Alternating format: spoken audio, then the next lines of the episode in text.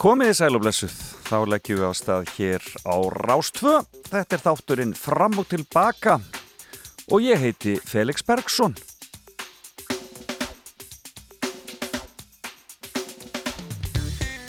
Já, kæru vinir, það er komin 10. júli og um, það er greinilegt að sumarið hefur hreyðrað um sig á austur og norðaustur hlutalandsins.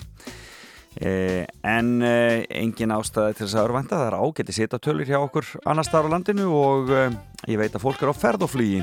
Mikið í gangi hér og þar og allstaðar og við ætlum að vera með ykkur hér á Rás 2 eins og alltaf. Það er sumar í þessu hjá okkur öllu saman og ég ætla að byrja þáttinn á því að heyra í góðum manni á ströndum Eh, Jón Jónsson þjóðfræðingur er þar og hann ætlar að vera með fimmuna hjá okkur í dag og eh, hún verður eh, nýja nólni, við höfum aldrei haft þessa áður. Fimm félög. Það verður mjög aðtilsvert Jón, hún að standa fyrir mörgu skemmtilegu á ströndum í gegnum tíðina og í strandasíslu og á Holmavík og þar í kring.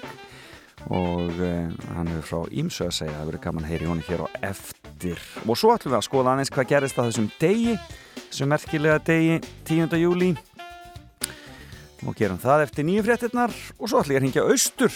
Það verður sko eins langt vestur og eins langt austur og mögulegt er því að við ætlum að ringi borgfjörð að borgfjörð eistri því að e, það er til fjallarhlaupið að hefjast þennan morgunin og menn öruglega hafa sér til. Ég vonaði þessi nóa vatni því að það veitir vist ekki af veðrið þar e, með allra besta móti. Ef að þokan er ekki, þokan er ekki að, að ángra þar að segja en e, þar á senst að háti yfir konan átjónstegi hitti og, og, og um, brjálagslega gott viður svona minnst, já, það er á eigirstöðum ég veit ekki hvernig það er borgarfyrir, við heyrum betur að því hér á eftir hvernig erum nákvæmlega með hitta tölunar, við fáum þetta allt saman.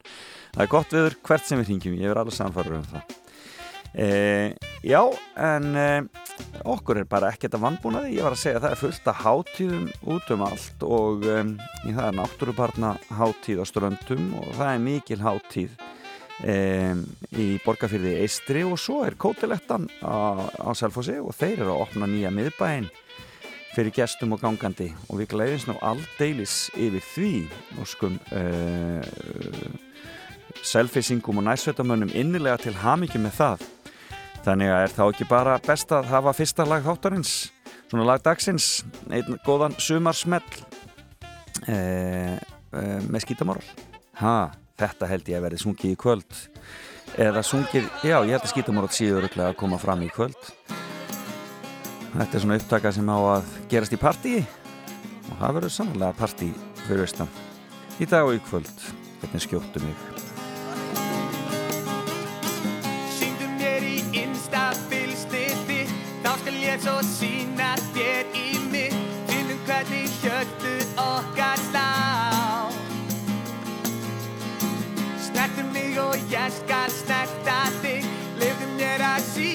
Þér hvernig Ég get gert þig eilífa í nóg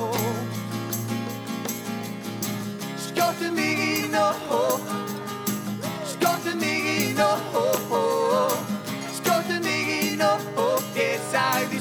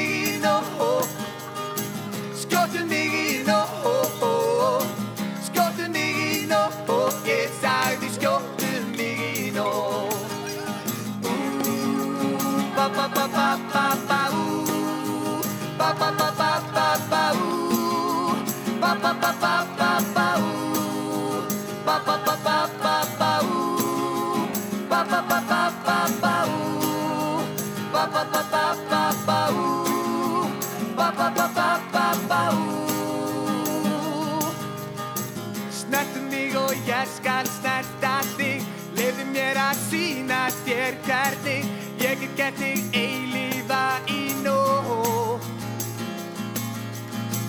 Ég blir spenntur eftir næsta dag. Því ég fíla að spila þetta lag. Þú ert höllin mín og ég er þín. Og allir saman nú! Skjóttu mig í nótt. Skjóttu mig í nótt. Skjóttu mig í nótt. Ég sagði skjóttu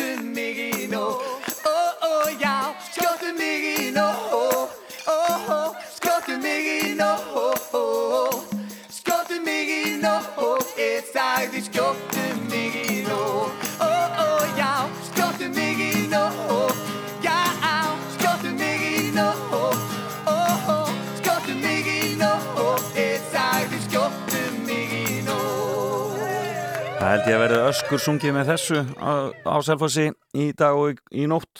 Þetta voru að sjálfsögðu skítamorál.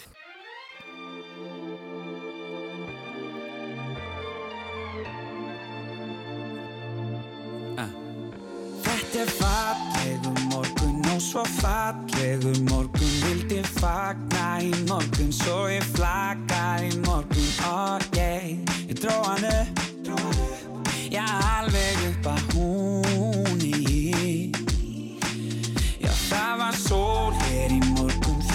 sól hér í morgun ég fól mér í morgun Bara njóti sem morgun Og ég, svo gekk ég út, Og ég lagðist í túnið. Og það eina sem ég hugsaði var Ú la la la la, fylgur dag. Svo er alltaf að vera góður við mig. Maður gleymið því alltaf oft Að vera gladur Staldra við og vera góður við sig tekur á Sem ég má til með að njóta mín í smá. Ó já Ú la la la la, fylgur dag Svo er alltaf að vera góður við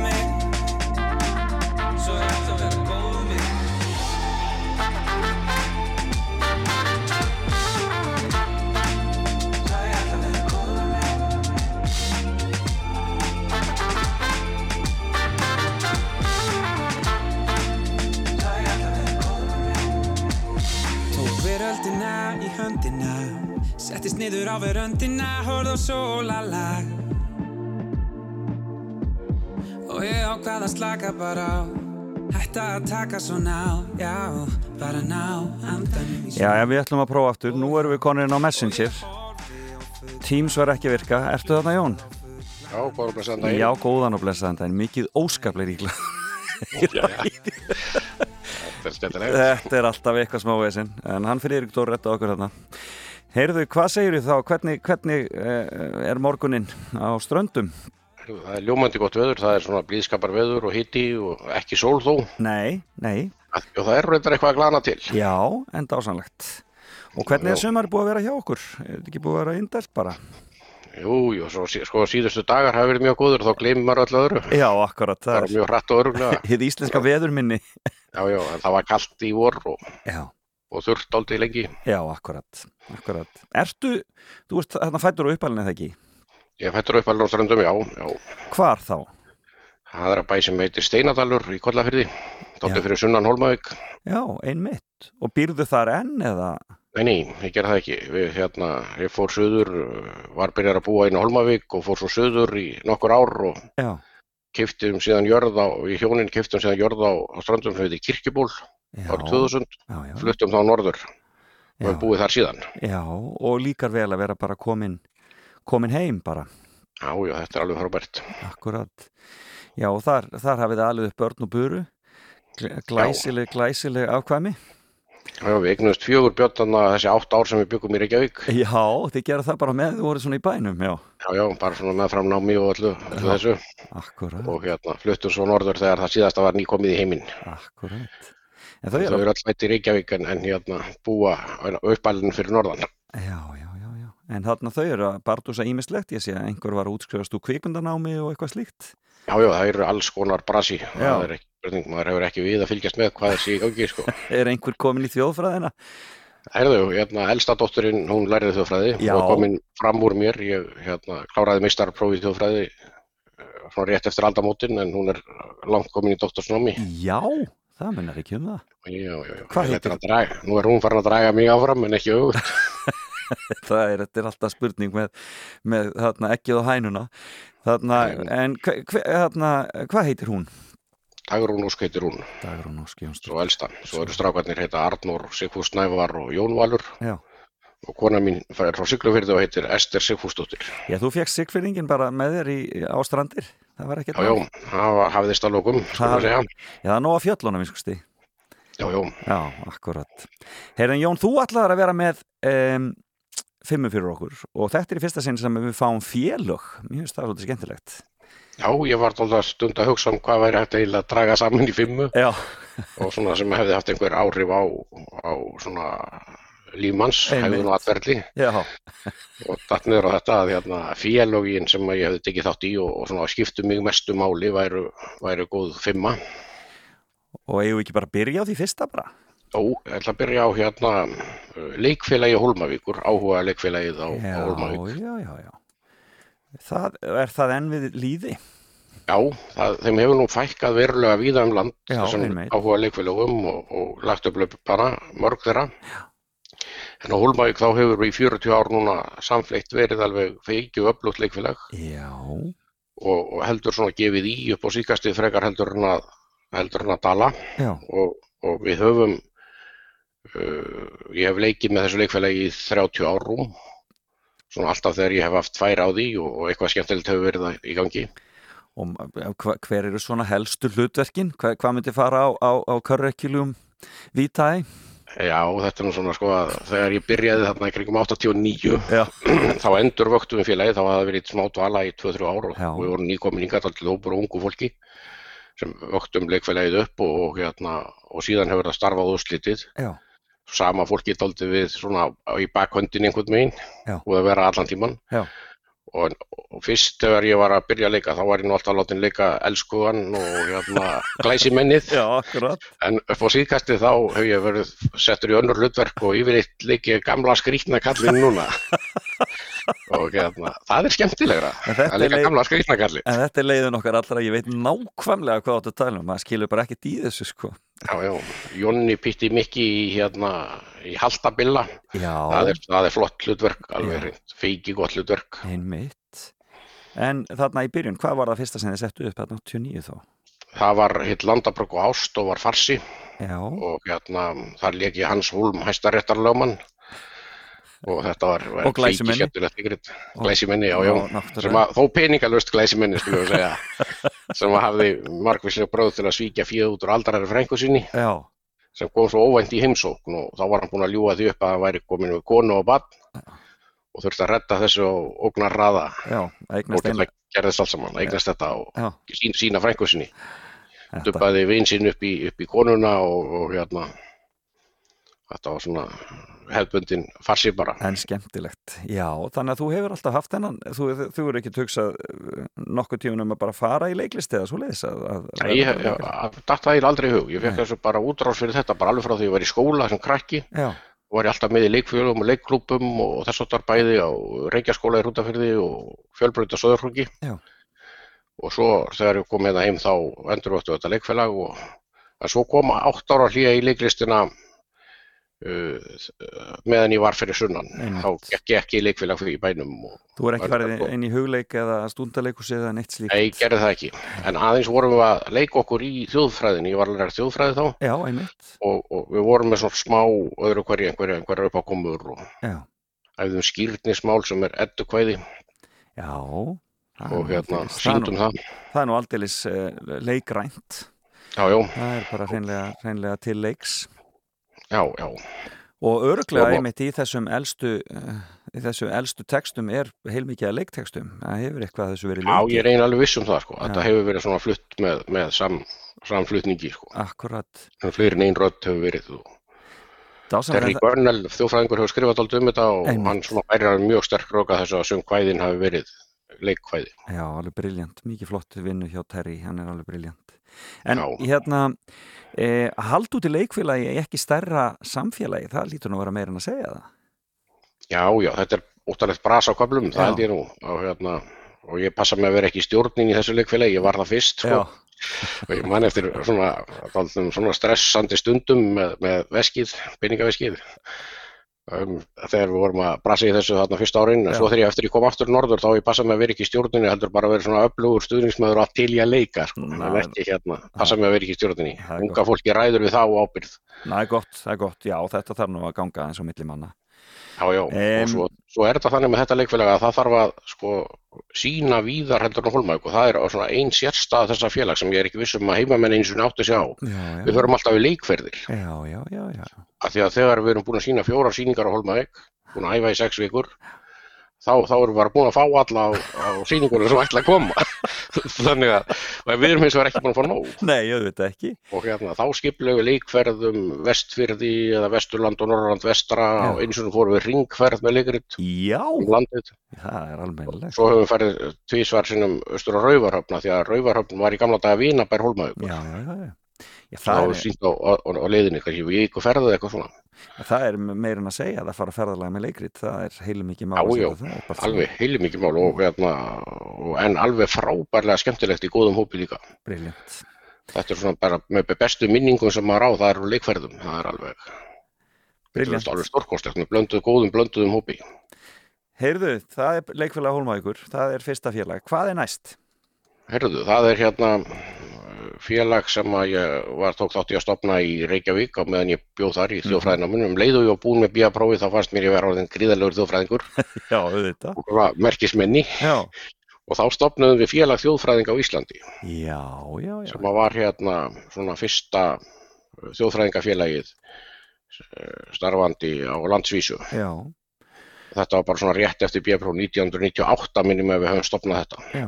En sko, e, já, það var bara ekki til félag þjóðfrænga, en kannski hafði, var, var, uh, var, þetta, var, voru, þjó, voru fáir þjóðfræðingar fyrir þennan tíma? Já, þeir voru fáir sko, það var náttúrulega það sem var sko. Þess vegna fannst maður líka manni að maður væri svo merkilegur þegar maður var búin með bíaprófið að maður, maður svona fekk góðfúslegt leifi hér á Jóni Nefli sem að kendi þjóðfræðina þá, var aðalkennari í þjóðfræðinni, Jón Mm. Evill Aðarstinsson Mhm.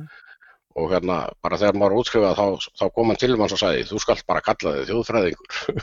Þú er ekkert verið að vandraðast með það. Nei, akkurat. og hérna þá fannst manni þetta mjög merkilt allt saman. Og hérna En hvernig ósköpunum stóð á því að þú fóst í þjóðfræðina? Var það einhver, einhver áhrif einhver staðar í kringum bara... Já, sko ég hef haft áhuga á þjóðsögum og þjóðfræði sko mjög lengi en, en ég vissi nú ekki að þetta nám væri til einu sinni.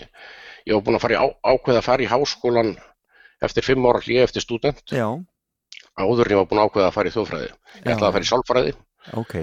pantaði maður kennsluskrá úr háskólanum til að skoða hvaða námskeið væri í bóði og fekk hann að senda áður að skráði sig í skólan Einmitt. og eins og fleiri þá byrja ég að lesa aftast.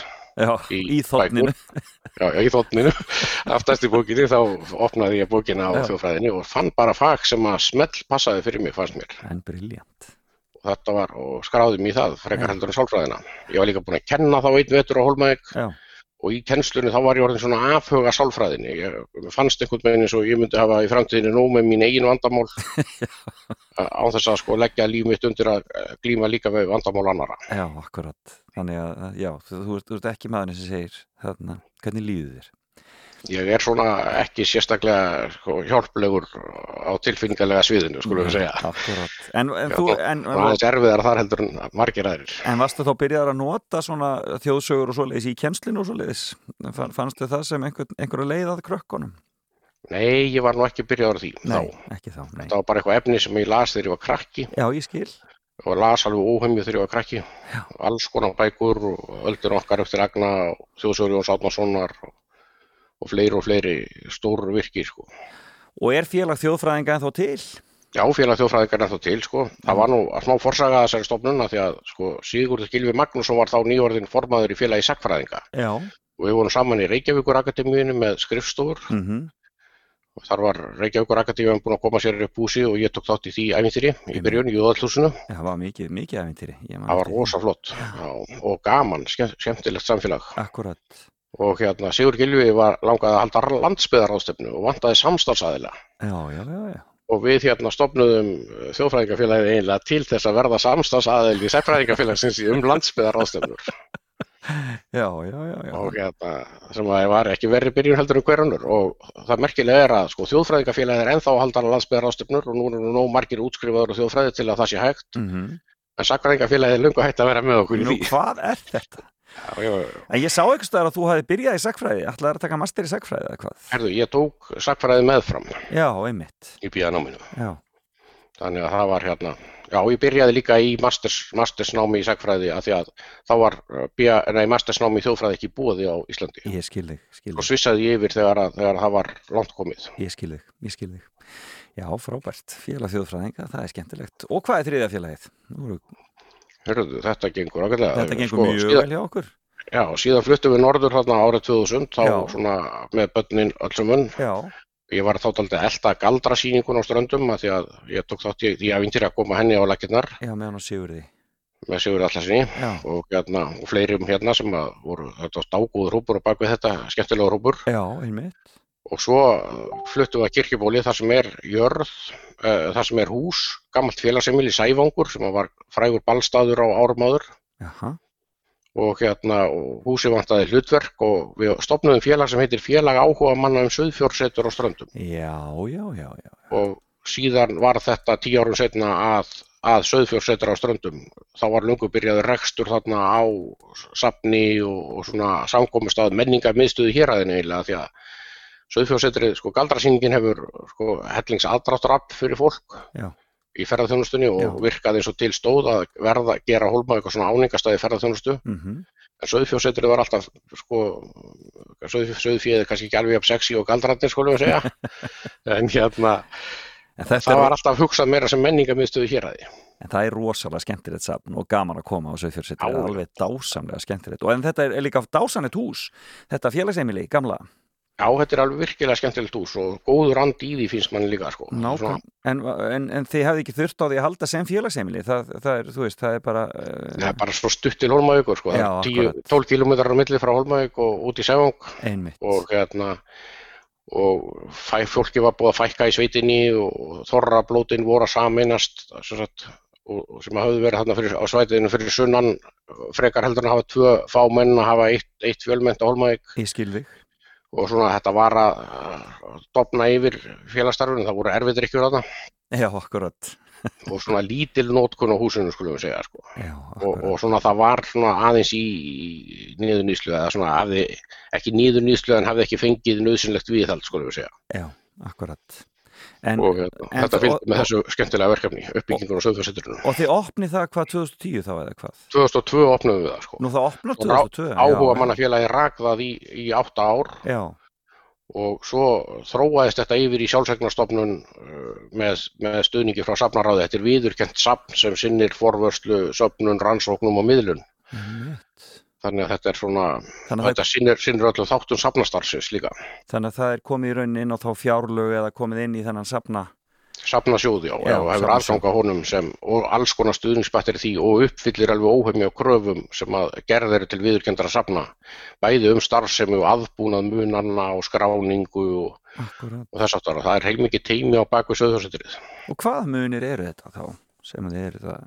Sko það, að því að við stopnuðum safnið svo seint, sko Já. flestir stopnuðu byggðasöfn einhvern tímann á, á 20. öldinni og, og hérna söfnuðu í gríð og erg um 1950 og 60 og, en við stopnuðum okkar safn eftir 2000 og pössuðum okkur á því að vera ekki á viðtæk í söfnuninni, heldur söfnuðum bara munum sem tengjast söðfjárbúskap Já, og svo munum sem lítið fer fyrir, myndum og minningum, einmitt. Ljósmyndum og minningum. Já, Þannig að, hérna, þannig að við erum ekki í sama brasi og flest söfn á landinu með geimsluhúsnæði og, og þess aftar að því við tókum hreinlega aldrei við mununum sem við réðum ekki við. ég skil þig, ég skil þig. Þú ert ekki, þú ert ekki eins og Þórður og skóum sem bara kemur með vörubílslössin. Ja, það gengur reyndar vel í honum, hann hefur bara byggt nýtt hús undir, hérna, undir hvert eitt nýtt sem hann hefur fengið. Sko. Nákvæmlega. Hann er snillingur. Sko. Hálgjör snillingur. Hundra ára um daginn og var gaf þótt bók á ammælinu sínu. Sannarlega, eins og maður gerir. Eins og maður gerir. Já, ég er að vona að ég verði svona þegar ég verði gammal. Já, akkurat. Nei, Það væri gaman. Heyrðu Jón, þetta er, þetta er skemmtilegt en við þurfum að taka okkur smá pásu það, það, það er nú líka spila aðeins músík á Rost 2 þannig að við skulum taka Já. okkur smá pásu við hefum uh, tvö félög eftir við erum búið með leikfélag Hólmavíkur félag þjóðfræðing á Íslandi og félag áhuga mannum söðfjörðsettur og ströndum ég get ekki beðið eftir að heyra hvað félög koma næst en við skulum aðeins leifa Reymi og Magna og þeim að syngja nýja þjóðhóttfélagi og svo höldum við áfram að spjalla Mhm. Allir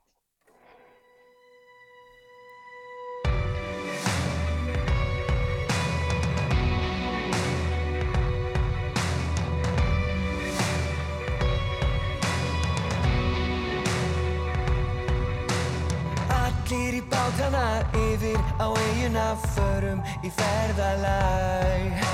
Ég vona ég hitti þig hátt upp í brekkunni við sitjum hlið við hlið. Og þegar eldar lýsa upp ský Við erum komin saman á ný. Og þessi hátíð byrjar upp á nýtt. Við förum inn í dag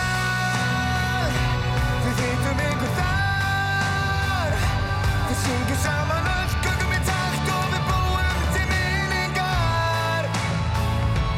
Förum inn í dal Við hittum ykkur þar. Við syngjum saman öll göngum í takt og við búum til minningar.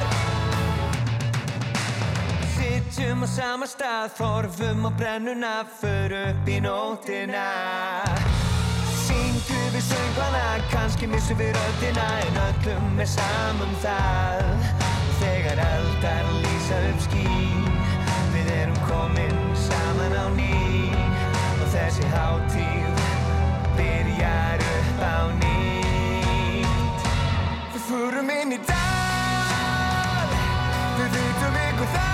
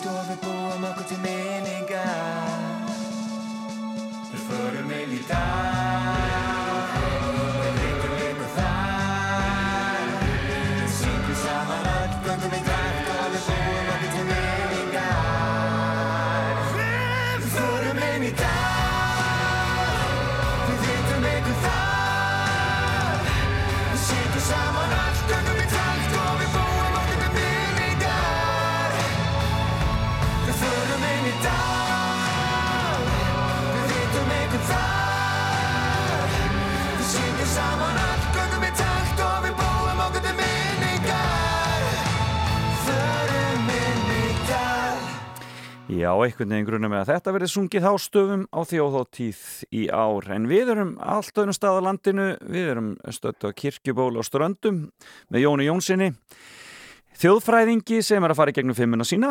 Og um, við erum búið með þrjá uh, þrjú félög Jón. Uh, þarna er þarna kennir nú margra grasa. Þú kemur víða við. Það er leikfélag og félag þjóðfræðinga og svo félag áhuga mann söðfjársetur Uh, og ertu þarna á kafi líka í, svo ég spyrði þið bara út í hérna galdrana, ertu komin í galdrasetri þarna líka á fullt eða hvað? Já, ég tók þátt í því í upphafi þegar við komum því á laginnar og var, var í hugmyndavinnunni áður það var opnað og, og var svona einn af þeim sem voru á bakvið tjöldin í, í því verkefni í upphafi. Sigurður Allarsson alltaf frontaði þetta svolítið, eða svona maðurinn Já, já, hann var, var framkvæmastjóri alveg frá upphafi og, og, hérna, og, og stóð sér alveg feikilega vel. Nákvæmlega, já. Uh, 2007, 2000 til 2007 þá var ég í stjórn sjálfsegnastofnum sem rak strandagaldur mhm, sem, að rak, sem sér um galdrasýninguna. Já, og hætti þá að ég var menningafulltrú á vestfjörðum um nokkur árabil. Já, já, og hérna síðan lést Siggi skyndilega 2019 og þá kom ég inn aftur í, og er núna stjórnarformaður strandagaldurs og er að stýra einhver uppbyggingu þar aftur einmitt. núna. En það gengur, hefur gengið príðilega og það stoppa allir. Skulum segja að það sé, sko, í raun og veru svona fjárhagslega þá er mesta baslið, sko, Já, og það má heita kraftaverk að þetta sé ennþá í, í gangi og það er Sigga að þakka og hans, hans framtaksemi, bara fann alltaf leiðir til að retta hlutunum þegar áþurft að halda. Það er íslenska liðin. og hérna var bara alveg feikjöflugur og, og svona, já þetta gengur vel, þetta hefur virkað eins og við ætlumst til í upphafi, Já, einmitt. Gengur virkilega vel og það er margir sem heimsækja galdrasýninguna hverju ári og, og ár, við réðum við árið í fyrra sem að var svona erfitt þessu menningastofnunum uh, daldið þar sem að voru færri gestir og sérstaklega þeir sem stóla mikið á errenda ferðamenn eins og galdrasýningin gerir. einmitt, akkurat. Já, þeir, þeir eru farnir að koma svolítið, er það ekki? Jú, jú, þeir eru farnir að koma aftur og þetta lítur vel út með þetta ár finnst mér. Róbert. Bara svona, maður er bjart síðan, það lifir sér að vera bjart síðan allavega. Já, já, gott, gott. Heyrðu, hvað er, en hvað er fjórðafélagið? Fjórðafélagið er gunguklúburinn Gunna Fótalösa og hérna þegar ég sé þennan lista núna, ég er búinn að skrifa niður, skrifa niður á meðan lægi var í gangi. Já, og hérna þannig væri með fimm félögin svo ég myndi nú ekki gleyma hvað ég hefði ætlað að tala um. Þá sé ég hvað þau eiga sameinlegt hvað? Þess, þau eru, þetta er þerapjan mín. Já, sjálfsagt uh, til að halda sjálfur mér á floti hérna sérstaklega við vetrartíman já, með, með viðburðum og skemmtunum og uppákomum akkurat. En gunguklúburinn Gunnar Fótalas er beinlíni stopnaður til þess að hérna uh, til að ég uh, sökku ekki á djúpt í skamdegistunglindir. Já, þá, og þá bara ferðu út að ganga, sem sagt. Ja, gunguklúburinn, já, hann fer út að ganga í hádeginu á virkum dögum yfir veturinn í, Já. í svartasta skamdeginu. Og þá bara, já, bara alla virka daga? Nei, hann gerir það bara eins og í viku Já. og stundum gerir hann það ekki neitt. Nei, Uh, síðustu vetur hafa verið svona frekar erfiðari já, með þetta og það er þá ímist af þeim ástæðum að ég sé bara nokkuð hátt uppi og þurfi ekkert á gönguklubnum að halda þannig auðlýsingarferðir eða þá ég sé frekar uh, of langt niðri skulum við segja til að, til að hafa mýja auðlýsingarferðir hjá gönguklubnum en hver, hver er, hver, hverjir, eru, hverjir eru félagar í gönglúnum? Getur hver sem er bara Já, já, þessi á bara heima á Facebook og er bara til á Facebook og er ekki Já. formlegur félagskapur. Ok, og auglýsir bara gönguferðir með stuttum fyrirvara. Já, og þá fyrir við út að lappa svona í hádegin á vinnudögum uh, og, og skrifstof og hann er hugsaður fyrir skrifstofufólk eins og nafnið gefur til kynna einmitt. og kannski þá sem eru óvanir löngum göngum og erfiðum heldur svona rétt fara út sko, meðan, meðan bjartast er yfir daginn yfir háveturinn Já, þetta eru semst hátegisgöngur og virkum dögum yfir, yfir, yfir, yfir, yfir í skamdeginu. já svona einu sinni viku eða svo Og hver var Gunnar fótalösa? Eða er? já, já, já þetta er nefnilega sko, þetta er söguleg persónu þetta Já, þetta er strandamaður sem var uppi á átjóndu öld og hún hérna lendi í þrengingum með móður sinni, hún fór á vergang sem, sem þetta, fór, fór bara í betl og, og flökkuferðir þegar, þegar að móðuharðindin dundi yfir með móður sinni. Já, já, já, og þær maðgur lendi miklum þrengingum upp á Steinadalsheiði sem er hérna aðeins sunnar Já. við bæinn þar sem að ég er, er frá, Steinadal. Liggur yfir í úr Gilsfyrði yfir á strandir. Uh, og það sem vestjarakjálkin er, er grenstur eða þannig, það er stýstir á milli. Einmitt. Og hérna þar varð móðurinnar úti en hún misti af fótunum, framann af, af fótunum. Já, já, já, já. við ristar liðin Já. og svo uh, hverfur hún daldið úr sögunni svona heimildum um hana, menn veit ekki hvað varðum hana í 10-15 ár eftir það. Aha, en svo byrtist hún aftur norður Árnarsreppi og er þá hinn besti skipasmiður. Já, og hérna á nokkuð svona góða og öfluga ævi uh, hún er unglingur þegar hún missir af fótunum. Já, en á nokkuð góða og öfluga æfi þarna norður í Árnarsreppi og, og vinnur margvísleg hérna verk og, og svona eh, nánast afrek af, miða við hvern fólk á þessum tíma ná, já, hérna hér. og er svona, er búin að þjálfa sig upp einhvern veginn í, í smíði. Og gekk alltaf undir þessu viðunefni. Já, já, fólk var uppnefnt alltaf í gála daga og, og hérna, það var landlægt alveg og Já, hún var, var alltaf kallið kunna fótalösa. Og þetta er gönguklúburinn hennar. Já. Og hérna, eh, er, er skamdegið er erfitt? Já, það getur verið það á ég- Stundum er ég alveg ónýtur bara svona frá meðjum desember og fram í og það er að passa mig alveg sérstaklega vel og, og reyna að vinna í þessu svo með fyrirbyggjandi aðgerðum alls konar og, og hérna og, og þáttöku í félagsstarfi og leikfélagið hefur reist mér sérstaklega vel í, í þessari glímu Já. Og þetta er stundum svona alveg frá desember og fram í mars sem að ég er bara virkilega þungur á köflum. Já, og þá þunglindur bara hreinlega eða svoleiðis. Já, já, alveg við það eða svona, þetta er eitthvað, eitthvað sjálfsagt eitthvað hérna, mæli hverfi Já, einhverju rófi, þú veit á einhverju Já. rófi eins og börnin er það ekki já, þannig? já, svo sveiflast einhvern veginn á milli sko, Já. en hérna stundum á ég mjög erfiða vetur Já, einmitt. og, og, þar, og, og reyni þá sem mest ég má að, að bregðast við því með til að verða ekki of leiðilegur fyrir fjölskylduna Já, og hérna, með því að taka þátt í einhverju svona félagskap standa fyrir viðburðum uh, og hérna alls konar svona útivist og, og, og menningar viðburðum og sögukvöldum og spilavist og já, og létta manni lífið sem sagt. svona aðeins að reyna svona að létta, létta lífið já. Það er stu- sumir sem segja að við eigum bara að fylgja, við eigum bara að fylgja náttúruöflunum og bara líka í við eigum bara að vera vakandi, já, við bara að vera vakandi allt sumarið og sapna orku Já. og svo eiga góð, og, góð haust og góð vor en svo bara slaka vel á þarna þessa, Taka vel á í þrjá mánuði sko. já, Það er nú ekki alveg vissum að vinnuveitundur myndu samt ekki þetta. nei, kannski ekki en þetta væri svona, kannski aðferð við Já, þarna, já. en Ég næ hérna, að halda mér á floti svona nokkurn veginn alltaf. já, akkurat Svona réttu megin við strikið, skulum við segja. Akkurat. Ég spurði einu svona mann á, ég var á hotstundum, hvernig lífið væri, þetta var í Reykjafyrði og hann sagði, já, maður bara getur þegar maður er svangur og sefur þegar maður er þreyttur. Já, Mér já. Þetta er aldrei strandamannastílinn hérna og sérstaklega hérna norðar, norðan við okkur á Holmavík. Já, akkurat. Hérna, það sem menn eru komnir, það er tvent sem er talað um með hérna, strandamenn fyrir norðan að, að, að annars er sagt að þá sem maður komið norður fyrir kristna trú þá maður kemur norður í Árnarsreppin og þar, þar norður af og hins vegar að maður farið norður fyrir hníf og gaffal. Ég veit ekki af hverju þetta er, þetta er hérna, af hverju þessar lýsingar eru við það þar. menn bara hætta, menn hætta að nota nýja gaffal eitthvað staðar þarna á Já, leiðinni. já, Já. já, og, og klukkuna svona daldið um leið, sko. Nákvæmlega skemmtilegt. Heyrðu, við erum komið fjögur félög og tíminn náttúrulega flýgur áfram á gerfin Heyrðu. háttaöld. Já. Hva, hver er sá fymti? Nýjasta félagið, sko, það var stopnað bara 2019, núna rétt fyrir COVID Ok. og heitir Arnkatla. Arn- Og það er lista á menningarfélag á ströndum sem er svona almennt, svona samtök lista og menningar fólks til að standa fyrir viðburðum og, og þess að þar.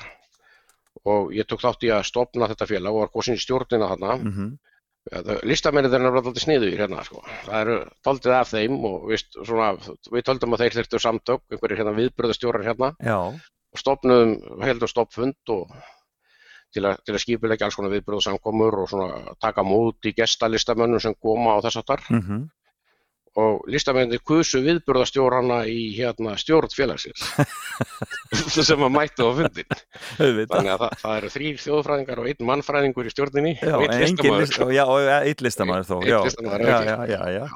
Einn. En, og, og hinnir hafa allir verið að daðra við einhverja svona viðbröðastjórn og, og svona lista þáttöku skulum við segja, en, en svona þetta var alltaf óvænt niðurstaða. en finnst þér að þetta hafi verið liftistöng?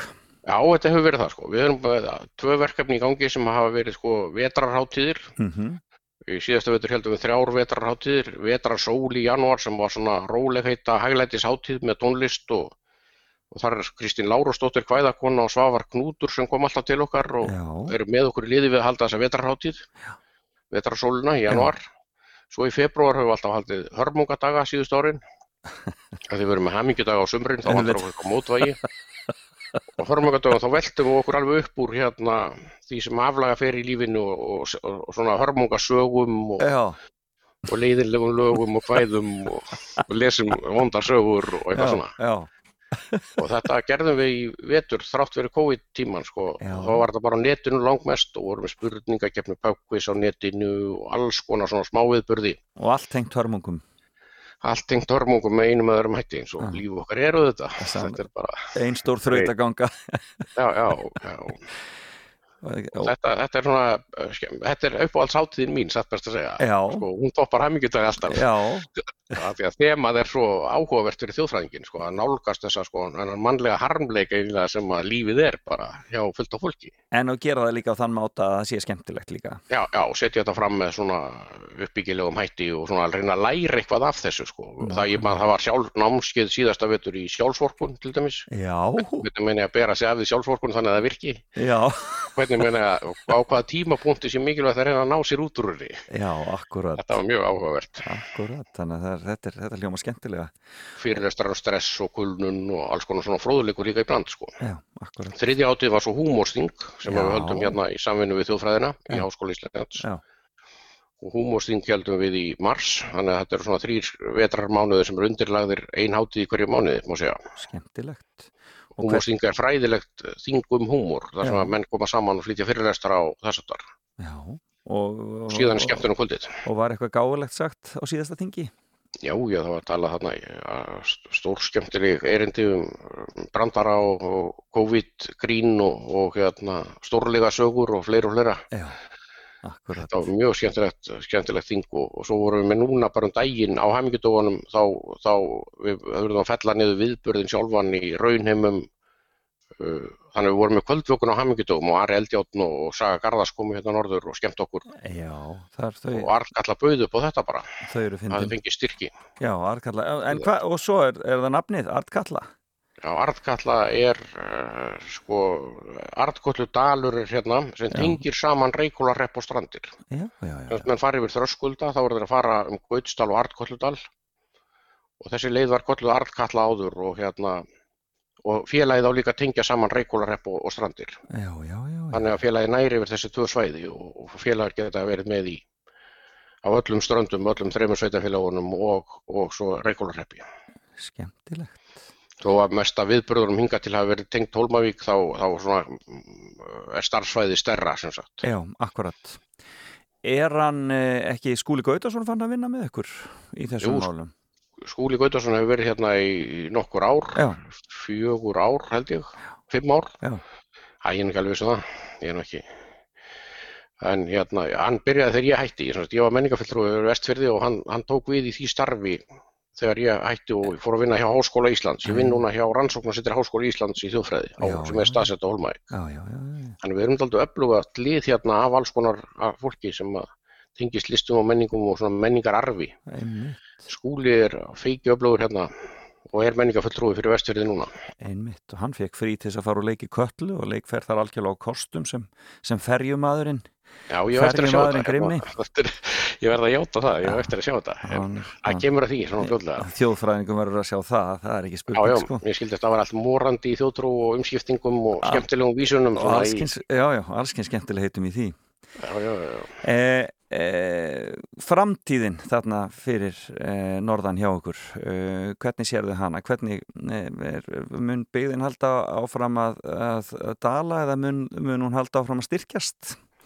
Mm, Það hefur verið fækkun hjá okkur hérna af Mhm. fólki og það sem verra er eiginlega er að aldursamsetningin hefur breyst aldrei mikið þannig að við höfum tapað yngra fólkinu frekar heldur en því eldra. Já, hvernig og það er svona fækkað í skólanum og hvað það eru. hvernig snúið þessu við Ja, það er nú spurningin, við erum með ver- átaksverkefni hérna sem heitir Sterkar strandir sem er fyrir strandabyggð já, sem er partur þá á brotektum byggðaverkefnum sem eru við um land. Einmitt. Og hérna við, að við erum að baksa við þetta alla daga má segja að velta því fyrir okkur hvernig við maður reyna að snúða þessu við. En við þurfum einhvern veginn að auka frambóð á húsnæði hérna. Mm þrátt fyrir fólksfækkunina þá, þá er líka oflítið af húsnæði og eiginlega alls konar húsnæði, bæði atvinnuhúsnæði og íbúðarhúsnæði. Já. Og, og svo hérna vantar okkur fleiri atvinnu fyrirtæki Já, já. þau á mörgvísum sviðum okkur vantar yðnarmenn hérna og, og okkur vantar eins og eina auglýsingastofu, eina ferðaskrifstofu akkurat og alls konar tækifæri. Við erum reyndar með, búin að gera átak hérna í að gera aðgengilega skrifstofur fyrir svona störfum staðsetningar ef að, ef að slíkt rækja á fyrir okkar. já, Þróunu setur á Holmavík og það hefur aðeins komið þangað af fólki. frábært þannig að þið haldið áfram að haldið áfram að sprikla mér skusti Já, við erum að, við erum að höldum að frá að reyna og ég er ekkit rosalega svartsýtna því að hérna, það hafa nú verið hérna sveiflur upp og niður í gegnum tíðina áður. Já. Hver er Og- mesti, hver er mesti blómatími á ströndum? Svona, sko, já, já, við tölum bara um Hólmavík til dæmis.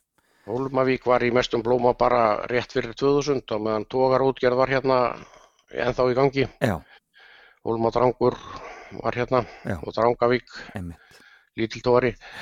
Þá var svona mest í blómatífinu flesti sem byggu á Hólmavík. Það voru 470 mann sem að byggu þá á Hólmavík en núna eru þeir ekki nema svona 320 kannski eitthvað sliðið. Sko. Akkurat. Þannig að þau fækkat aldrei skart upp á síkastið. Já. En ég held að sé ekki ástæða til að vera neitt rosalega svartýtn og, og, og svo þessi hausatalning er náttúrulega líka eina aðferðin til að, til að vita hvernig byggðum gengur. Já, En það skiptir kannski ekki minna máli að fólki líði vel hérna á meðan það býr hérna. nákvæmlega. Það sé gaman og hérna fjör og það hefur alltaf verið mjög gott félagslíf eins og tel, sést á. Já, akkurat. Félagslíf og menningastarf hefur verið þykju öflugt og, og hérna, ég er svona held að það sé kannski ástæðan sé svo að það er svo langt í næsta stærri þéttbílistað frá Hólmavík. Nákvæmlega, Það nákvæmlega. er Kvamstangi og svo bara Borgarnes sem eru, eru næstir, sem eru fjölmennari heldur en Hólmavík. Já, akkurat. Þannig að við verðum bara að bjarga okkur sjálfu ef við eigum að hafa eitthvað til skemmtunar í raun og veru. Nákvæmlega, það er mjög góð loka orð og uh, rýmar vel við þessa skemmtilegu fimmu. Jón Jónsson, þjóðfræðingur, mikið var gaman að rappa og sjá þig. Kærar þakkir fyrir spjallið. Já, takk kærlega fyrir. Já, bless, bless. Bless, bless. Beint úr efstaleitinu í Reykjavík. Fram og tilbaka á Rástfö. The last time we talked, Mr. Smith, you reduced me to tears. I promise you it won't happen again. Do I attract you? Do I repulse you with my queasy smile? Am I too dirty? Am I too flirty? Do I like what you like? I could be wholesome, I could be loathsome, guess I'm a little bit shy. Why don't you like me? Why don't you like me without making me try? I try to be like Grace Kelly, mm, but all her looks were too sad. Tried a little Freddie. Mm, I've got an entity mind.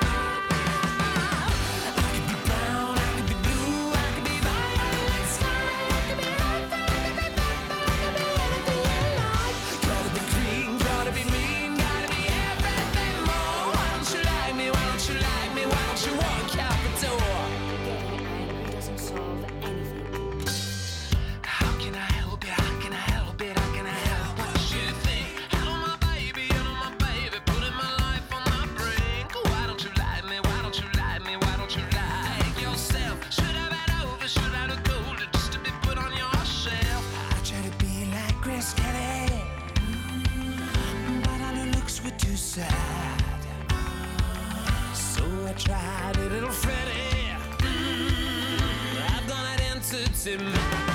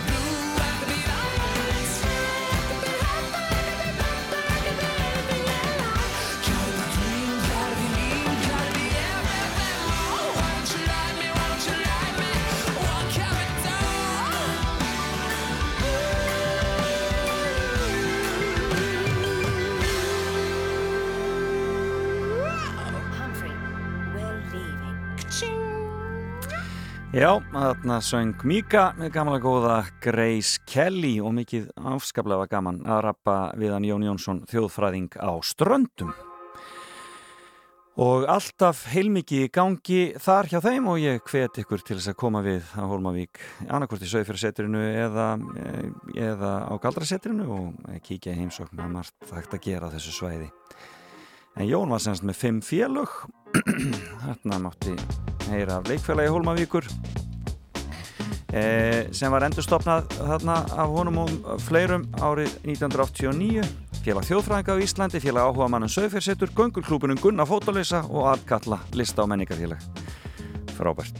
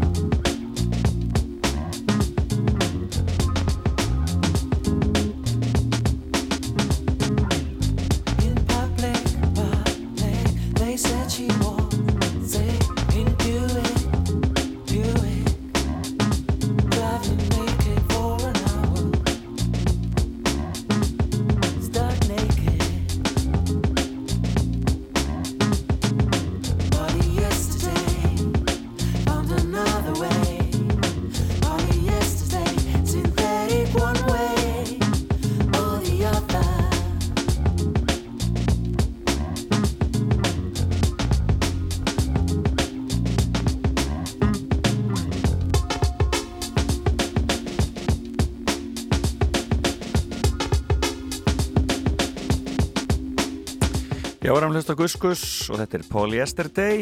Uh, það fer að líða að nýju fréttum hér hjá okkur á Rás 2 og svo höldum við áfram í fram og tilbaka. Og ætlum að e, svona þess að heyra hvað gerist á deginum. Það eru nokkrir ammælistagar sem eru aldrei merkilegir í dag. Og e, og svo ætlum við að heyra í þeim fyrir austan, borga fyrir eistra dyrfjallahlaupið að hefjast bara, bara mjög fljótlega Þannig að ekki fara langt, við höldum áfram hér eftir nýju fréttitar.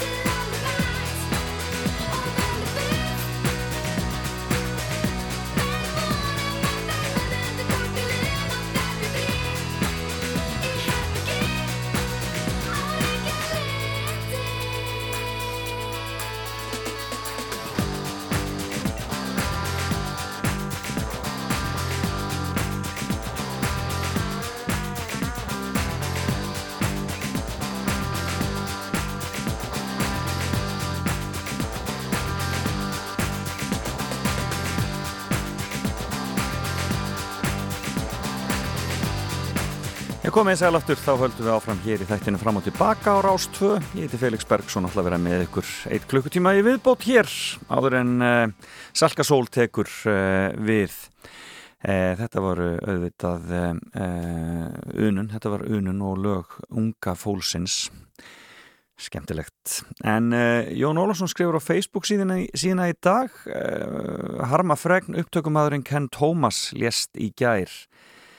Jón segir, ég kynntist honum árið 1992 þegar nýtönsk fór til Sörri í England að taka upp heimnasendingu. Hann tók á mót okkur í Jacobs sljóðverðinu ljúfur og mannin og brósvindur. Og það er óhætt að segja hann hafi haft mikil áhrif okkur með smekk sínum og ára langri reynslur bestu hljóðverðum heimsins.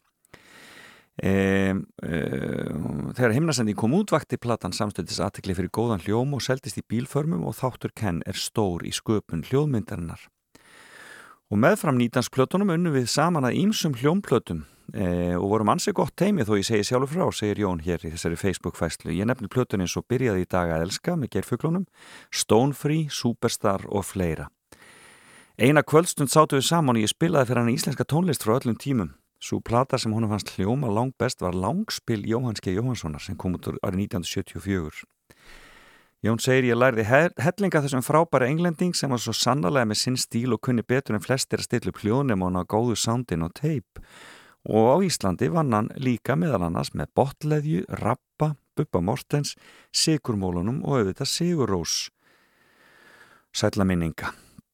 En lag mitt, segir Jón Flugvílar, hefði aldrei verið til nefn út af ennskum texta sem hann rétti mér einu sinni og kallaði Sweet World. Ég gerði við það lag sem lág óhreift þar til nýtönsk tóku plötuna Pólfarir á möllt árið 2001 og þá gerði Björn Jörgundur íslenska texta við lagið og þá hétta Flugvílar. En Lægið er að sjálfsögðu til í flutningi John Grant og nýdanskrar og uh, við skulum heyra það. Blessu sé minning Ken Thomas. Þess góða manns og mikils áhrifavaldar í íslenskri poptónlist. En þetta er snart text eftir hann og lag eftir Jón Ólafsson.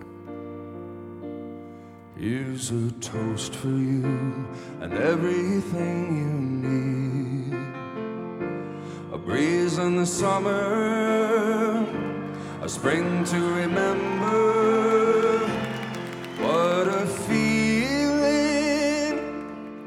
How wonderful to hear a thousand violins play.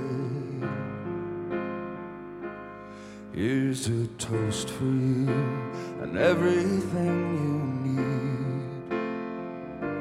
A dream in the summer, a kiss to remember. What a feeling! How wonderful to hear a thousand violins play. Who do you know in heaven to make you the angel you are? If you ask my opinion, I'll write it in worlds were made of this a long, long time ago. If you ask my opinion, I'll write it in your book. Sweet, sweet worlds were made of this a long, long time ago.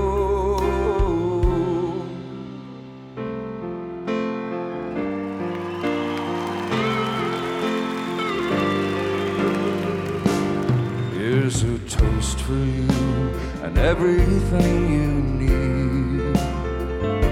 A dream in the summer, a kiss to remember.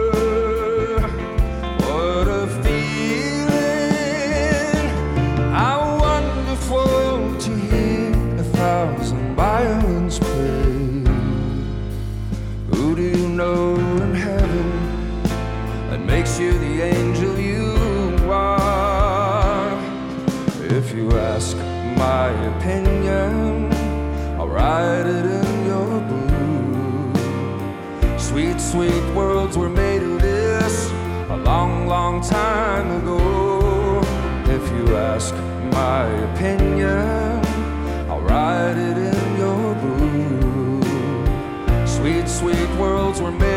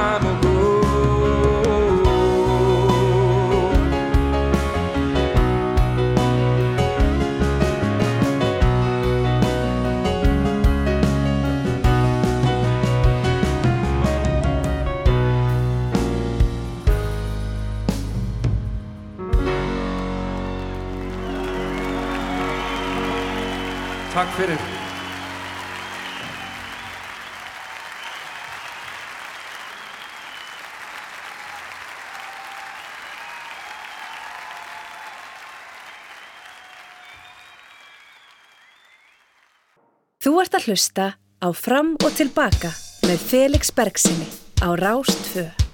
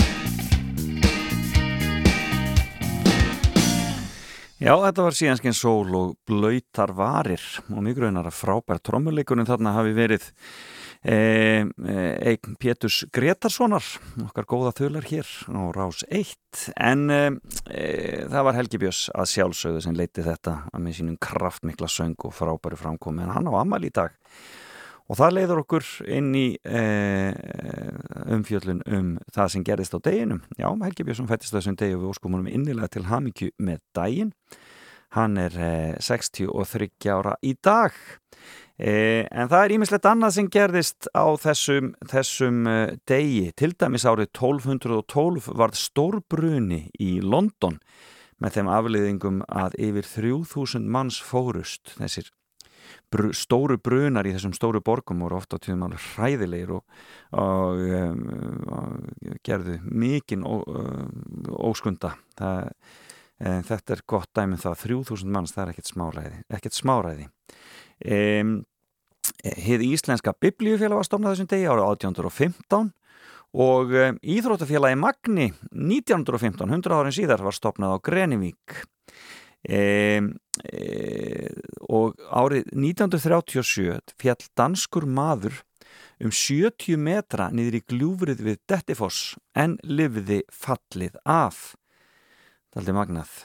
70 metrar, það er ekkert smáraði í Lagsá í Aðaldal veitist að þessum degi árið 1942 36 punta lags sem var þá stærsti lags sem hafði veiðst á flugu það er algjörlega með ólíkindum. Og árið 1960 sigruðu Sovjetríkin Evrópukeppnina í Knaspirtnu með 2-1 sigri á Júkoslavíu ég vissum að Júkoslavíu hefur ekki þórað að vinna þann leik. Eh, já, ég segir svona. En eh, Sovjetríkin unnu semast Evrópukeppnin í Knaspirtnu 1960 og nú er spurning hvort að englendingar ná sínum fyrsta sigri. Sovjetríkin búin með þetta en englendingar hafa aldrei unnið Evrópukeppnin í Knaspirtnu E, e, þegar leikurinn fer fram á morgunum millir Englands og Ítalíu. E, hinn hræðilegi bruni á, í ráþærabústanum á Þingvöllum var árið 1970 þegar Bjarni ben, Benediktsson, Sigriði Björnsdóttir og Benedikt Vilmundarsson, dóttursonur þeirra hjóna fórust. E, Bjarni Benediktsson auðvitað fósetsráð þeirra á þeim tíma Um, um, á þessum degi fengu Bahama-eigjar sjálfstæði frá Bretum og fymtar hérna kröpluelda hófst árið 1980 um, hún stóði í rúma viku og var mesta hreinan fram að því og það mm, minnir okkur á að það er ennþá að, að, að, að slettast upp úr e, gígnum e, hér e, á Reykjanesinu. Það er ekkert ekkert smá ræði Eh, Aung San Suu Kyi var leist úr stofufangilsi á þessum degi árið 1995 í eh, Myanmar, Myanmar, Myanmar en eh, hún er nú bara komin aftur í fangilsi og nú er spurning hvað gerist þar á þeim bæ. Hryllingur að fylgjast með þessu öllu saman þar. Og árið 2009 brann Hotel Valhöll á Þingvöllum til Kaldra Kóla Já, þetta er eh, hálf ógulegt. En það var annar maður sem fættist á þessum degi, íslenskur, sem var mjög langar til að minnast hér.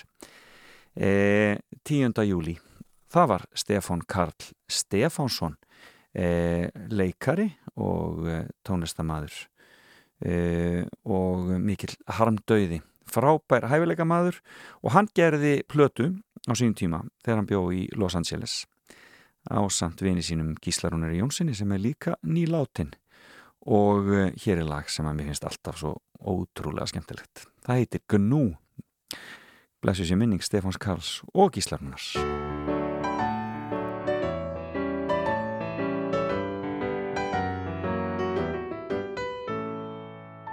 Uh, Hvenær sagður Já, fyrir tæpu ári. Ég teimdi mín að fró. Mér í hústir að garða hlýð á. Ef ég manni mætti þar er virðist vita næstum allt sem vitað er um dýrin smá stór. Mm -hmm. Svo ég spurði hvaða spendir er þetta? Hann þrumaði. Þetta er þaut. Ég gladur sagði takk í góðri trú. Þegar skeppnan sem um ræðir í skyndi að mér laut og sagði Ég er ekki gnöyd, ég er ganú. Ég er ganú. Ég er ganú. Ég er fólk að norður hluta ganú, ekki stað ég nú. Ég er ganú. Og hvað segir þú? Af gruna ég segja nöyt er út úr kó. Ég er ganú, stafað G-N-U. Ég kann neyðist til að leiðrétta það ganú. Ég hvort er kúa lús, nef maður eða mús, það er ganó, ganó, ganó að vera ganó.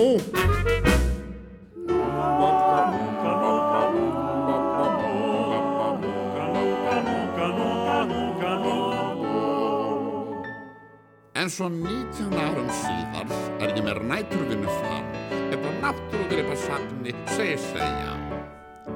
Að mér dreymdi kvöldið áður draum einn heldur óblíðan því skal ég segja ykkur frá ef betur stendur á.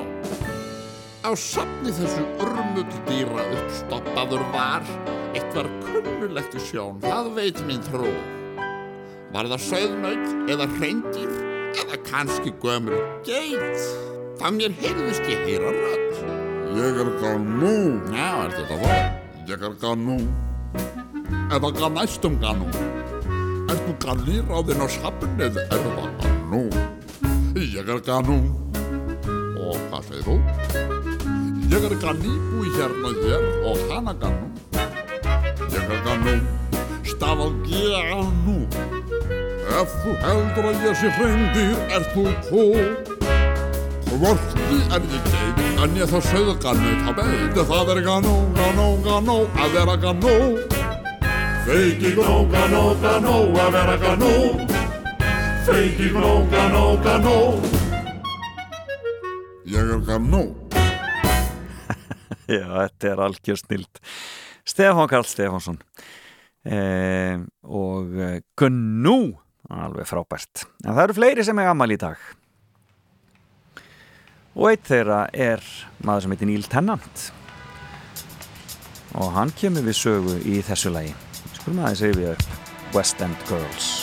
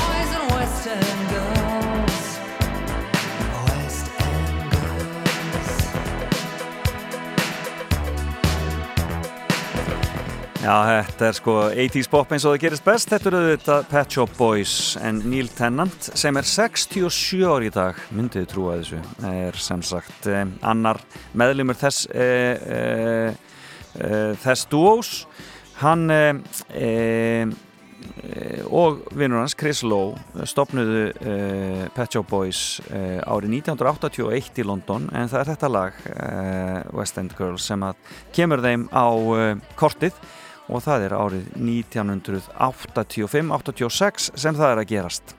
E, þannig að þetta tók svolítið tíma hjá þeim að verða e, að almennlegu uh, popbandi en það gekk sannarlega eftir þegar þetta var byrjað þarna. Og e, Neil e, vann sem e, tónlistarbladamaður og, hana, og þegar þeir stopnuðu bandi þá var hann uh, aðstóðar rittstjóri Smash Hits í Breitlandi og uh, hann held áfram að skrifa þó hann væri að búa til þessa músik verðaðist til dæmis til New York til að taka viðtal við Sting og þá hitt hann uh, pródusenda þar og gaf þeim uh, pröfuteipin sín og smám sem hann var Pet Shop Boys til. Slóðu sannst ævintýralegi gegn hérna árið uh, 1900 Eh, 1986 og uh, í kjölfarið fóru uh, uh, smáskífurnar að koma hver á fætur annari og um, þeir hafa selt meira en 50 miljón plötur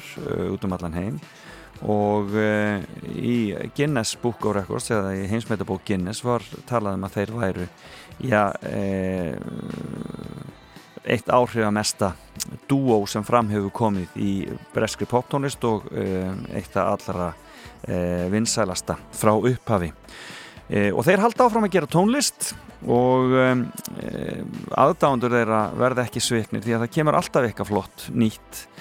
Og hér er lag frá 2019 sem þeir gerðu með Years and Years sem er frábær listamæður það heitir Dreamland við skulum heyra Pet Shop Boys sem halda alltaf árum að vera sí ungir Neil Tennant, 67 ári í dag.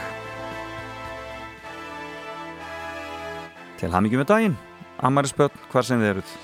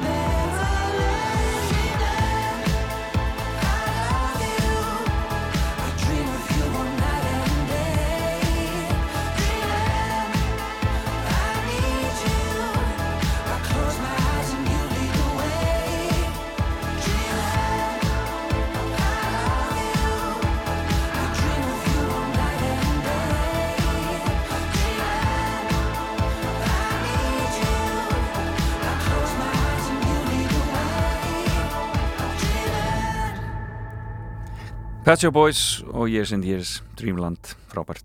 Rástfö Fyrst og fremst.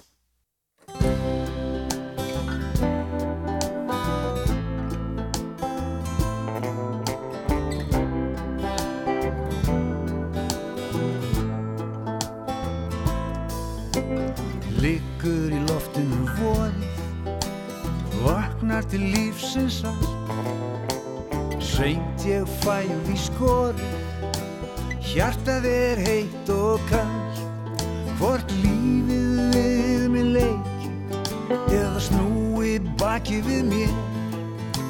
Samt ég sólina sleiki Þegar hún skýn því vorið er hér. Segðu mér til vegar og vaktu yfir mér. Vagnin hestar draga á eftir sér. Og tímalausir fákar tremja stundar ferð við hófatinsins takt eitt augnablík ég verð. Það er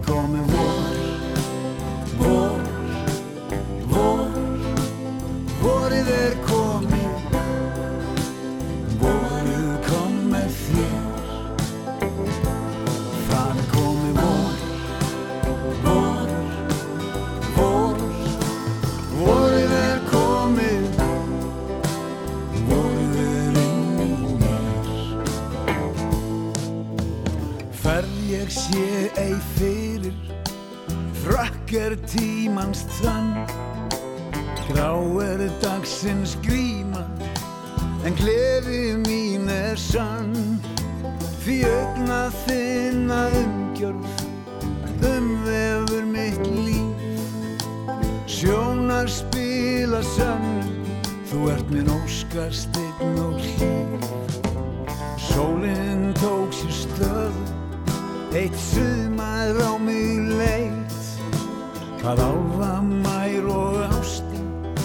Mér ætla ég ei veit. En fögur er mín fylgja. Mín einsemd er feig hjarsláttur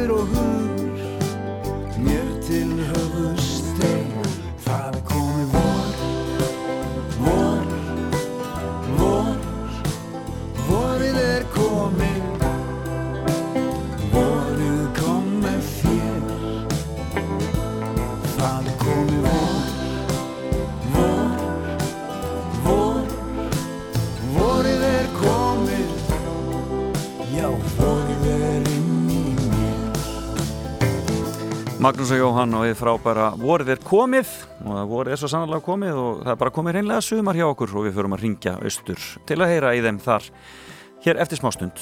Þú ert að hlusta á Fram og Tilbaka á Rástfö. Já, svo sannlega og við erum konið í samband við Borgafjörð Eistri og um, þar stendur Dyrfjalla hlaupi fyrir dyrum Olger Pétursson, skipilegendir í símanum. Hvað er sæl og blessaður? Sæl og blessaður. Já, hvað segir þið fyrir austan í dag? Er sama bongóðið búið að vera undarfarið? Já, við erum reyndar, það sé við erum svona á austurinn, þá byrjum við alltaf daginn að smá þóku að kæla fólki niður. Já, já, Það akkurat. er yfirleitt af því svona um 11, bara akkurat þegar við ætlum að starta hlupið. Akkurat, ég sá það í mitt að það ætti að, það- að rífa af sér þá og verða bara ansi heitt hjá okkur. Já, Uh, það er enga trúaður. eru þið með einhverjar, ráðstafanir eða verður, ef þetta fer í, eh, og verður, verður, eða fer yfir 20 gráðunar? Já, við erum með mikið og gott starfsfólk, við erum með alveg uh, hátt í 50 mann sem er að vinna með okkur í brautinni og Einmitt. það er mikið að lækjaspennum á leiðinni til að taka út. Já. En við erum, ef að það segjum sem svo að það fari bara í eitthvað hitamitt hérna, þá erum við með fullt að liði sem að hjálpa okkur við að, að koma vatni í fólk og, og, og matíða þegar það kemur líka niður. Frábært. Hvað er þetta lang, langar leiðir sem er verið að fara að hlaupa? Herri, við erum að fara tvær leiðir, það Já. er ein 24 km leið sem fer inn úr botni borgarferðar, endar í Hafnarhólmanum og svo erum við með eina 12 km leið líka sem að fer hérna úr uh, frá veginum við Hafnarhólman og fer ofan í Brúnavík hérna við hliðina, hún er 12 km. Hún er 12 km og er, er svolítið að fólki komið þetta til að taka þátt í þessu? Já, það er bara, það er að fullur það, það er lóðið bara statt fullur fjörður af fólki. Já, Þeir eru bara mikil umferð og tjálsaði er nánast orðið fullt af fólki. en skemmtilegt. Þannig að það er bara, það er, er margir á leiðinu og, og, og margir sem að hlaupa þá. Margir sem að hlaupa, við erum með hátt í 500 mann sem eru að, að koma að hlaupa með okkur, 240 í báðum leiðum, þannig að þetta er alveg margkvöld þáttaka með að auðvitað hefur síðust ár. Já. Og við erum svona nokkur neginn búin að samverna að þetta er nú bara eitt staðsti íþróttaviðbörður í sögu Austalands.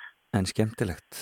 Dásanlegt. Hvað er þetta, hvað er þetta búin að vera að hlaupa þetta lengi? Hvað er verið? Þetta er fymta ári sem við erum að fara núna, Já, en við höfum alltaf verið að fara gegn stóruðuna með einni undatengu þegar það var ómikið sloka til að fara í stóruðuna. já, En núna erum við að breyta þess til og gera þetta svona aðeins aðgengilegra. Stóruðun er svona frekar stíf hlaupalef og já. Þannig að núna erum við aðeins að gera þetta svona, ég ætla ekki að segja þetta sem verið auðveldara kannski, Nei, en þetta er aðeins, öðruvísi, aðgengilegra kannski. aðgengilega. Þannig að menn verða bara sjálfur að rölda sér nýri stórurð svona þegar að, þarna, Já, það er bara hérna morgungangan til að ná sér ná í góða endurheimt eftir hlaupið í, í dag, það er að stórun á morgun. á dásanleiri morgugöngu enn og ekki hægt að finna, það verður nú að segja starfa eins og er e, frábært, en það er líka partí hjá okkur og ég sá að þeir bræður eru mættir á svæðið og Þeir bræður eru mættir, Já. þeir verða í kvöld fyrir Dór og Jón Jónsson í Fjarlaborg já, og það er nú held ég segi bara orðið uppselt, þegar ég sá segist tölus og en það verða öruglega einhverju miða lausir í hurðinni á, í kvöld. já, svo syngjaði mjög hátt þannig að það er bara að vera fyrir utan og bara hlusta á það er sko, það er bara þetta Þeir opna glukkana. Heyru, þetta verður frábært, ég bara við byggjum kærlega að hilsa austur og þarna, byggjum fólk að fara varlega en skemmta sér, skemmta sér fallega. Hmm. Heldur betur, við erum bara sama báti þar. Frá- Og, og, þeir ræsi klukkan 11 eða hvað? Ræsum klukkan 11 hérna, lengri leðina og ræsum klukkan 12 lengri þýttir leðina og við reiknum með að við verðum með svona fyrstu menn í mark og fyrstu konur uh, bara um kringum eitt út við Hafnarholma. Heyru, við fylgjumst með þessu áfram hér á uh, Rástvö, kærar þakki fyrir spjallið Olgeir, Sömuleiðis. takk fyrir, Takk. já, bless, bless. Já, gaman að þessu. Þetta var Olgeir Pétursson í Borgarfyrði Eistri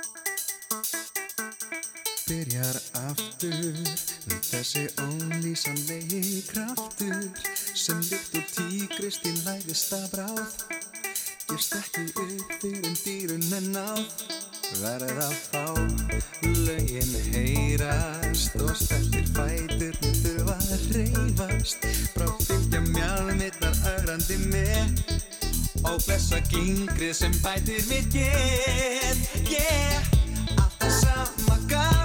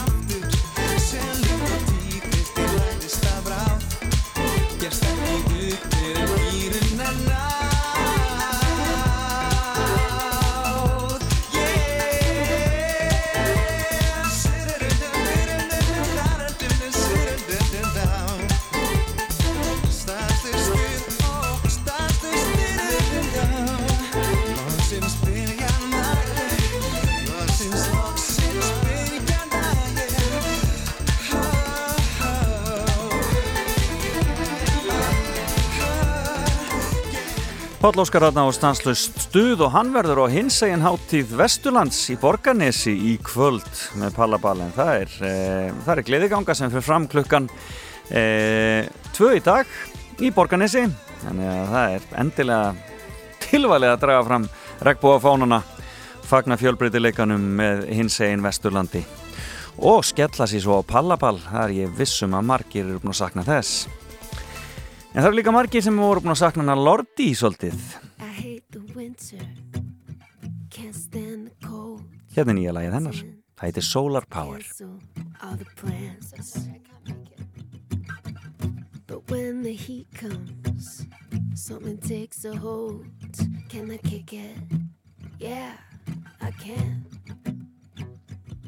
My cheeks in hot color, overripe peaches. No shirt, no shoes, only my features. My boy behind me, he's taking pictures.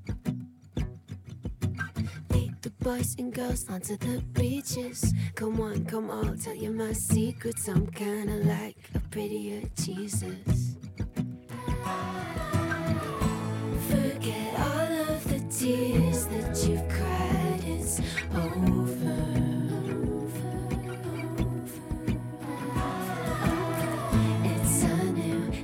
Of mind. Are you coming, my baby? Acid green, aquamarine. The girls are dancing in the sand. And I throw my cellular device in the water. Can you reach me?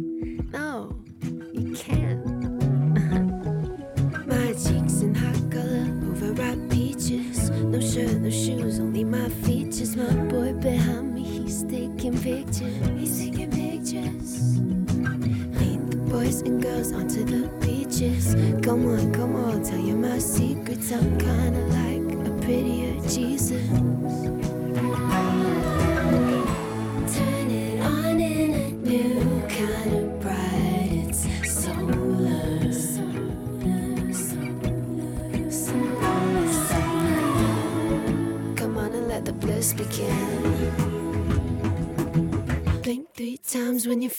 Kicking in that sun.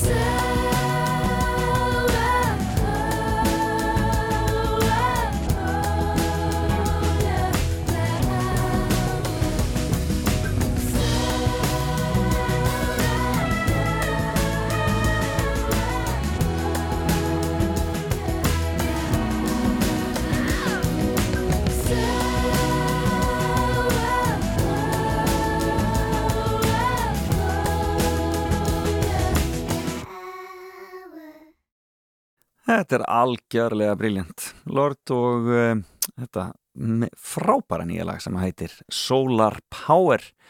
Og ég mæli með myndbandinu sem er uh, hægt að finna inn á YouTube. Það er annað annar briljans þar í gangi. Já, frábælista maður Fram og tilbaka á Rástfö.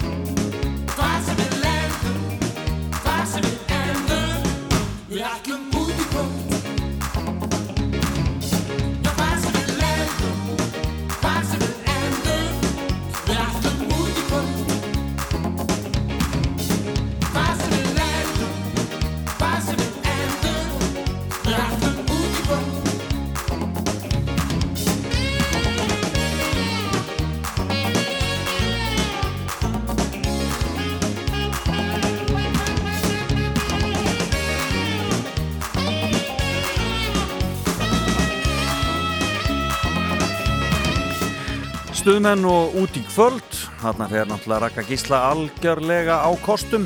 E, og e, svo gerði það gott í þættinum í sjónvarpinu í gerðkvöldi með Latta, GTRN og MC Gauta. Ég ótrúlega var þetta skemmtilegt. Tónaflóð í sjónvarpinu og verður aftur næsta förstu dag þetta verður erfitt að toppa þetta algjörlega En leifum GTRN sem var hérna í gerðkvöldi að klára þetta með lagi sem hún söng þarna í gær e, áður en dagur rís. Þakk ykkur fyrir samfélginu morgun. Ég heiti Felix Bergsson, verða aftur með ykkur hér eftir viku í fram og tilbaka. Svo heyrjumst við kannski líka á mánudaginn í morgunúttarpinu. En takk fyrir í dag og bless bless.